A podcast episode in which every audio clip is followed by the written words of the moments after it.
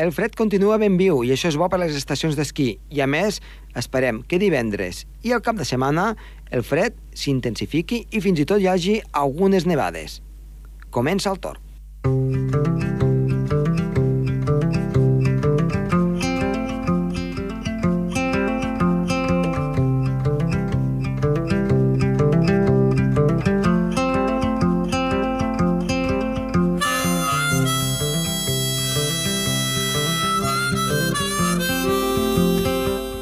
En el programa d'avui parlarem, com no, d'aquesta perturbació tan activa que ha creuat gran part de la península ibèrica i també de l'Europa occidental, la perturbació Anna, el cicló Anna, i en parlarem del seu gènesi i també de per què se li fica ara un nom com aquest.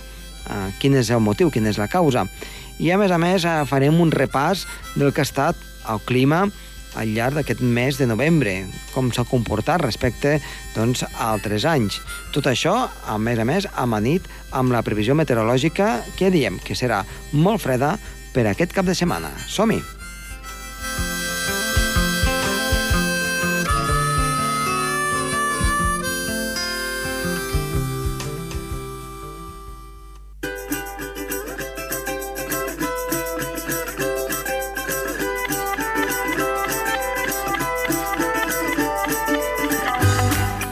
Comencem el programa i, com no, ens trobem amb Gerard Tauler. Gerard, molt bona tarda. Hola, molt bona tarda, Josep Tomàs.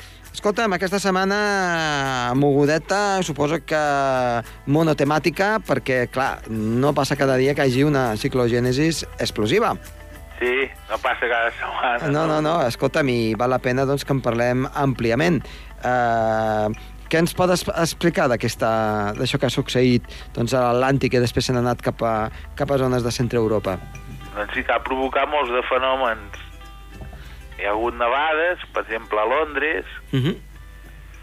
també nevades importants a la cara sud del Pirineu, occidental i central. En canvi, el Pirineu de Girona no ha nevat gaire. A Girona només es va claure quatre gotes. En canvi, hi ha hagut inundacions cap a l'oest de- d'Espanya. Clar, són els vientos ábrigos llovedores, Mhm. que en diuen, els vents del sud-oest, que ja són molt humits i arriben ressecs a la costa brava i prelitoral gironí. I les ventades també han estat importants? Sí, les ventades també. S'ha arribat a 174 per hora en l'Observatori de la Corunya, de la província de la Corunya, Mhm. i 91 km per hora a Santa Coloma de Farners, la comarca de la Selva, a la província de Girona. Aquesta ciclogènesi explosiva després s'han anat cap a França i Sí. suposo que se, es van anar sí, diluint. ha provocat pluja engelant al nord d'Itàlia i després inundacions, sí, sí. Per tant, eh, tot i que el nucli era petit, eh, els, els sistemes frontals associats, déu nhi no? Han, han Sí. deixat... Per tant, no podem El parlar... xoc de masses d'aire ha Mhm. provocat eh, aquestes inundacions. La, la massa d'aire prèvia freda Sí. amb la massa d'aire càlida del sud-oest ha provocat aquestes inundacions, aqu- aqu- aquests xàfecs tan forts allà al nord d'Itàlia. Per tant, podem dir que ha afectat no tan sols a, a les zones de eh, Illes Britàniques i França, Que sinó va en general... gran part d'Europa. Uh -huh. és, és curiós, no? La, la part me, me, me, més occidental, vents violents, per exemple, a, a França, uh Mhm. -huh. Alemanya, Gran Bretanya, l'oest d'Espanya... Sí, sí. A, a, a, a l'estret de Gibraltar, la, la, la comunicació en ferri amb Àfrica va ser tallada pel fort vent. Sí, sí. És curiós perquè, clar, el seu nucli era molt petit, era una borrasca, doncs... Eh... Sí, però era una borrasca molt profunda, amb pressions Mhm. inferiors a 970 hectopascals. A Girona la pressió va baixar a 987 i veníem de 1038. Uh -huh. I per... en, en, en menys de 24 hores va baixar més de 24 mil·libars la pressió al centre de la borrasca, per això en diem ciclogènesi explosiva. Mhm. És el naixement d'una borrasca que, que, que, que, que, és, que és molt, molt, Molt La bèstia. pressió baixa molt, molt, molt més in, ràpidament que en altres borrasques, per Mhm. això en diem ciclogènesi explosiva. Ah, en podíem parlar de la pel·lícula aquella, no?, de la, la tempesta perfecta, una mica? Sí, la tempesta perfecta, sí, sí. sí. Eh, és això, bàsicament, una ciclogènesi Sí. explosiva, que no és igual que, que els huracans, que té una altra gènesi, no, són totalment diferents. veure, la, les borrasques extratropicals es produeixen per, per, per, perquè hi ha diferències de temperatura no? entre Mhm. el, front, el front polar, no? entre la massa polar i la massa tropical, Mm. I, subtropical. I en canvi el, el, el, els ciclons doncs, eh, és diferent.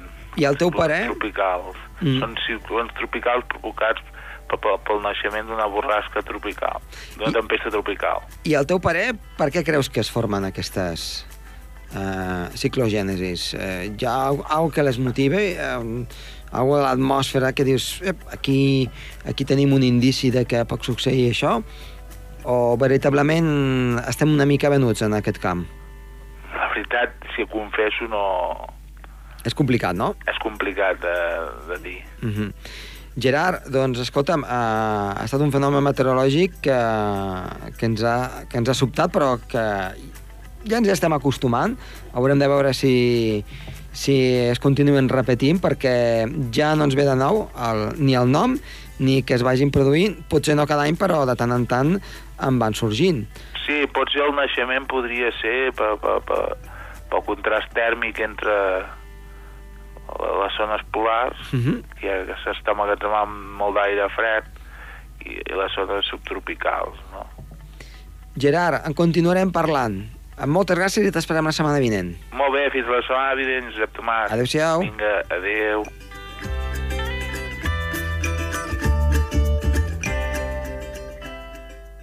El Torb, amb Josep Tomàs.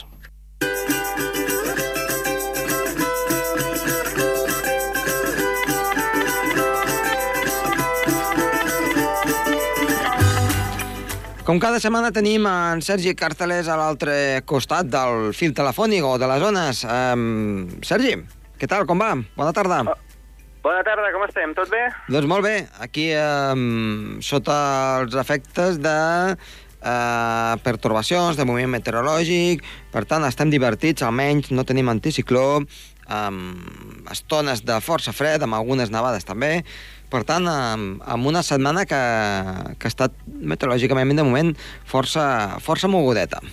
Divertida, no? Sí, sí, eh, i de fet millor, perquè veníem de feia uns, unes setmanes més aviat avorrides amb, amb anticiclons i ara doncs, sembla que per fi doncs, s'ha despertat aquestes pertorbacions que, que estan sent força actives tant al Pirineu com, com fora del Pirineu. Doncs sí, i a part, ara parlarem doncs, d'aquesta última pertorbació que ha donat molt de, de parlar. Uh -huh. uh, suposo que et refereixes a la ciclogènesi explosiva? Uh, Anna. doncs sí, parlem de la ciclogènesi explosiva Anna. Uh -huh. És un nom, no el nom d'Anna, sinó el de ciclogènesi explosiva, un nom que quan la gent ho escolta realment es posa les mans al cap, Mhm. perquè sembla que s'estigui a punt d'acabar el món. Sí. anem a parlar una mica del que és una ciclogènesi explosiva i anem a aclarar una mica eh, als oients doncs, què és tot això. Una ciclogènesi explosiva s'anomena una borrasca que la seva pressió atmosfèrica eh, disminueix molt dràsticament en molt poc temps. Concretament, me, més de 24 hectopascals en un dia, en 24 hores. Llavors, clar, aquesta borrasca es torna tan profunda en tan poc temps que el que crea són pluges molt intenses, tempestes i, sobretot, cal dir, molt de vent, i és el que s'ha viscut aquest començament de setmana a la península ibèrica. Llavors, eh, bé, comentar que li han posat el nom d'Anna i, com podem veure, és el primer, la primera lletra de l'abecedari. I no és cap casualitat, i és que ara, per exemple, l'Agència Estatal de Meteorologia Espanyola, EMET, proposa que en aquestes ciclogènesis, en aquestes borrasques intenses, també se li posin noms.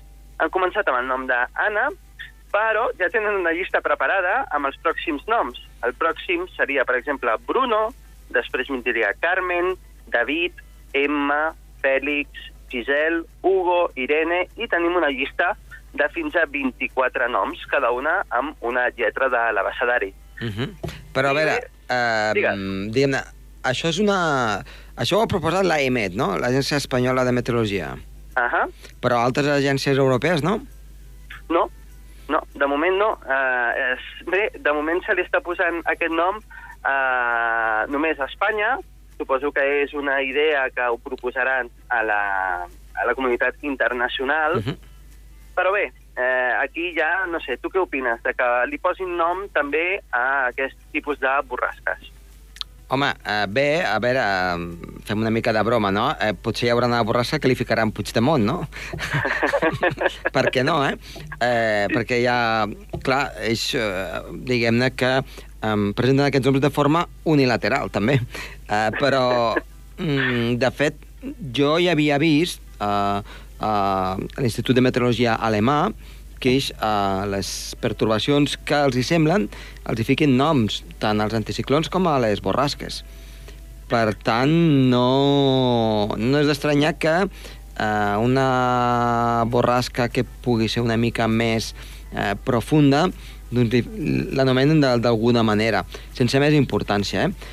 Ara, clar, jo crec que ens, ens marca un camí, no sé, eh? a veure, a veure què, què és el que... Ens marca un camí respecte anys enrere, o, Sí. o diguem-ne, o, o si ens n'anem doncs, alguns, eh, alguns anys enrere, 20, 30, 40 anys enrere, eh, en què això doncs, potser no es veia tant, potser, no tinc jo estadístiques, i marca un, una mica quina pot ser la tendència eh, en els propers decennis de que aquest tipus de pertorbacions cada cop siguin més freqüents.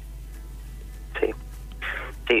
Mira, una nota informativa, per exemple, és que l'Agència Estatal de Meteorologia Espanyola eh, defensa aquesta idea com que la gent, quan sent que ve una borrasca o s'aproxima una borrasca amb un nom, Mhm. la gent té molt més en compte. Per què? Perquè suposo que nosaltres ja tenim relacionat que quan a una borrasca, en aquest cas en els huracans, se'ls hi posa el nom, no? Sempre que escoltem un nom és perquè recordem un fenomen meteorològic molt extrem. Uh -huh. I en aquest cas jo tinc un sentiment contradictori. I és que, clar, està bé posar-li noms a les coses, però potser estem començant a perdre l'essència de posar-li noms a les coses realment importants. Vull dir, abans únicament es posaven noms als huracans. Després es va començar a tendir també a posar-li noms ja a les tempestes tropicals. I ara ja ens anem quasi, quasi a les borrasques. Uh -huh. Clar, no sé si aquest fet, potser sí que és veritat que psicològicament la gent està més alerta i va més en compte, però al posar-li noms a tot, potser ja li traiem la màgia a això de que una pertorbació tingui, tingui un nom. Però bueno, això ja és una opinió personal, eh? Uh, de fet, els, els medicanes um, no se'ls fica nom, que, que cregui, no? No. No, encara no, encara no. I són potser més eh, terrorífics en aquest aspecte que no pas una... una I més potents, sí. I, més, sí. i molt més potents, no? Uh, Sí. En canvi, no enca, encara no se'ls ha posat cap, cap nom. Eh, bé, jo només ho puc uh, atribuir a que aquest fenomen, clar, mm, no tinc les estadístiques, eh? A que aquest Mm. fenomen cada cop doncs, eh, sovinteja una sovint, mica no? més, no? Sí, I per això, sense donar-se compte, eh, doncs, eh, potser d'aquí 30-40 anys, aquest tipus de pertorbacions estarà amb nosaltres dos o tres vegades l'any. Ara, Sí, doncs, podria ser. Llavors, potser sí que eh, se'ls ha d'anomenar d'alguna manera, o no. Eh, eh, clar, jo tinc notícies ara, per exemple, de que a Galícia han caigut eh, força litres per metre quadrat, però sobretot hi ha hagut mm, més de 20.000 usuaris que s'han quedat sense llum per la causa del vent. a causa del vent, no? Per tant, Sí. és, és una situació d'emergència. Sí. O també hi ha hagut vents molt forts a, a les illes britàniques i a França. I sí, sí, sí, i més, mira, per tot això que dius, uh, res, tres notes. La primera és que aquest, aquesta borrasca doncs, ha cancel·lat més de 150 vols dels avions perquè Mhm. era impossible poder volar. I bé, és pel que dius, és més pel tema del vent que pel tema de la pluja. Sí que és veritat que hi ha hagut pluja, però tampoc ha causat grans destrosses. La pluja no ha hagut grans inundacions. El factor meteorològic que més ha afectat, quasi quasi semblant a un huracà, no? És el vent, més, Mhm. que, eh, més que, que la pluja. I és que, per exemple, a la zona cantàbrica han arribat a valors de 145 km per hora. I no estem parlant de ratxes, estem parlant d'un vent quasi quasi sostingut. I són vents huracanats que, que bé, és això el que dius, no? Han, han produït moltes retallades de llum, després també les onades doncs, han crescut moltíssim, fins i tot ha hagut un desaparegut a Mallorca, a causa de... Era un pescador que, que bé, amb les onades i amb el vent, doncs se l'han endut i encara la- l'estan buscant. Així que aquest fenomen meteorològic, més que atribuir-li potser a la pluja, que és el que normalment se li atribueix a una borrasca, se li ha eh, d'atribuir més doncs, a aquestes forces del vent.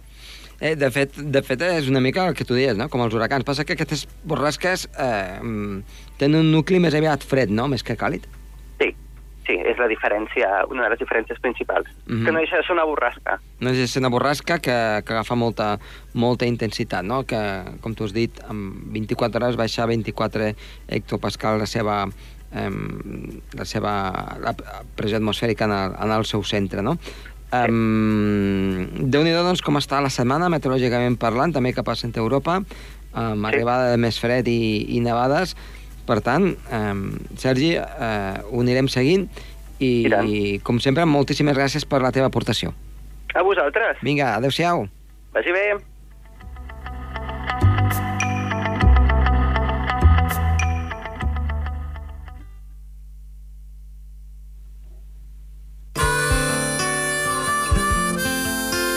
El Torb, amb Josep Tomàs.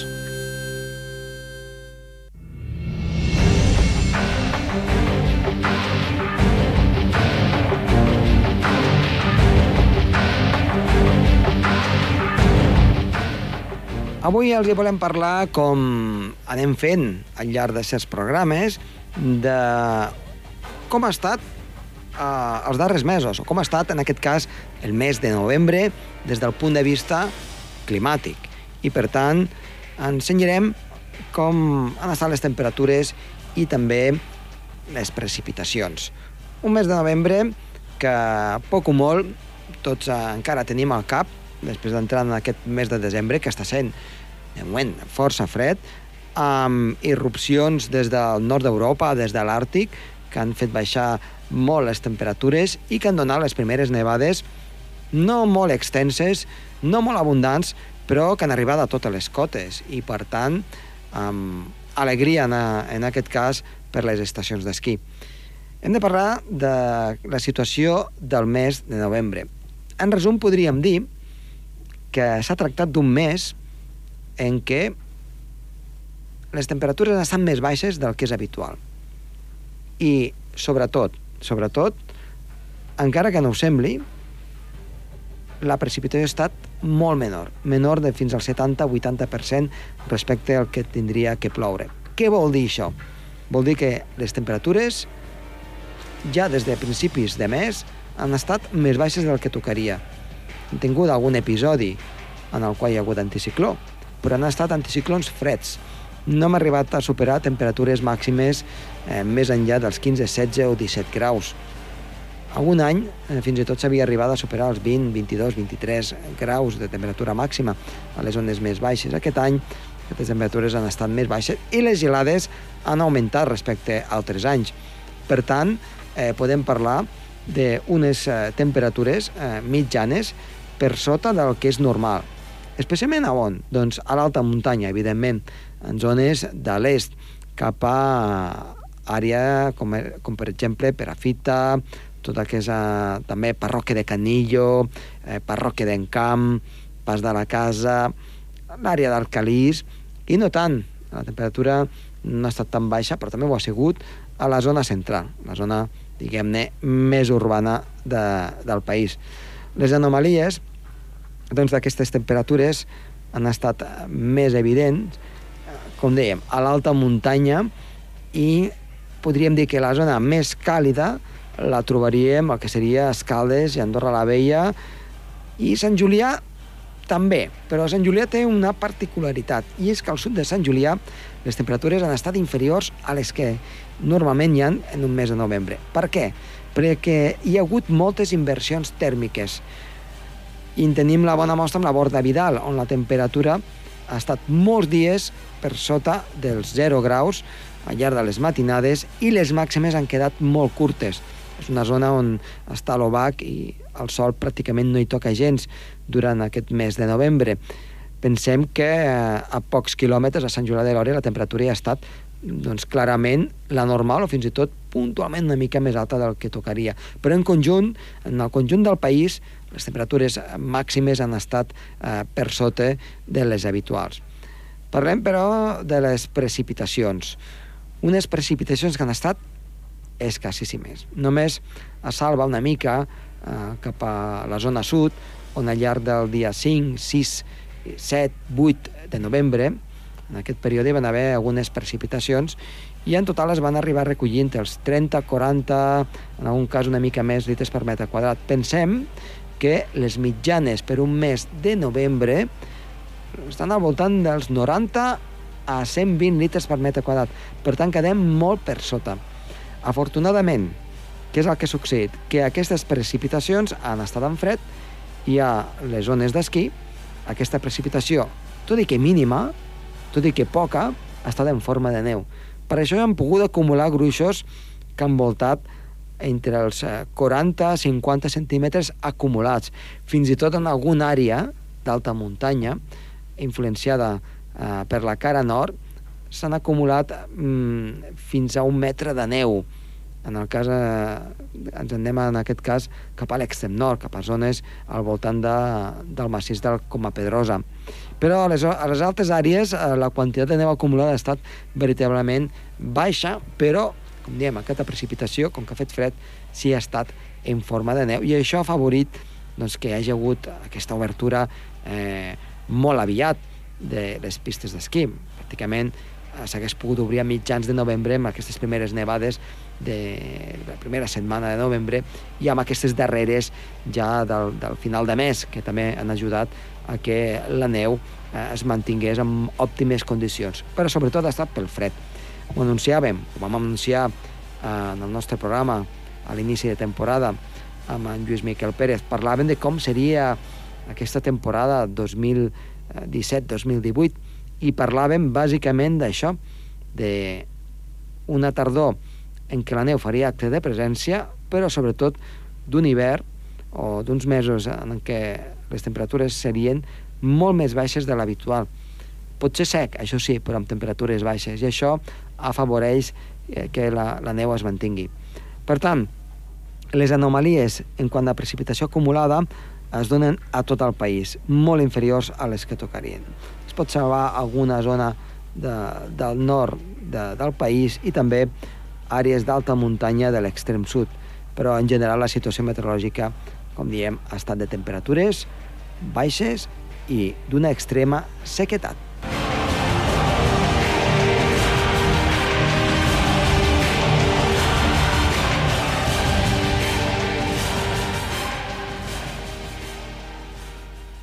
El Torb, amb Josep Tomàs.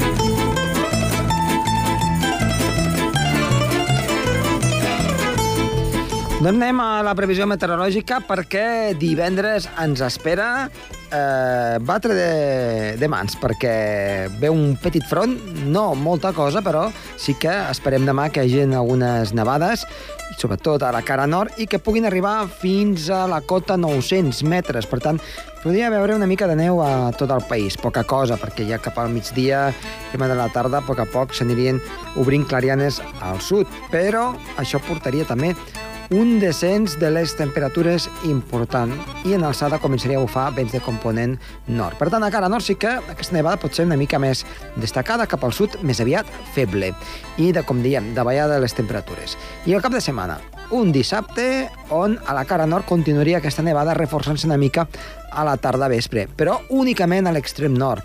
Al reste del país, núvols i clarianes, potser alguna volva de neu i molt de fred. Les temperatures seran encara més baixes. Diumenge, molt més sol, algun núvol de retenció a l'extrem nord, ja sense neu, i amb temperatures baixes, però que anirien remuntant una mica les màximes gràcies doncs, a la presència d'aquest sol. I en alçada, el vent de component nord, que bufaria moderat. Per tant, si van a la muntanya, moltíssima precaució, perquè les temperatures seran de rigorós hivern.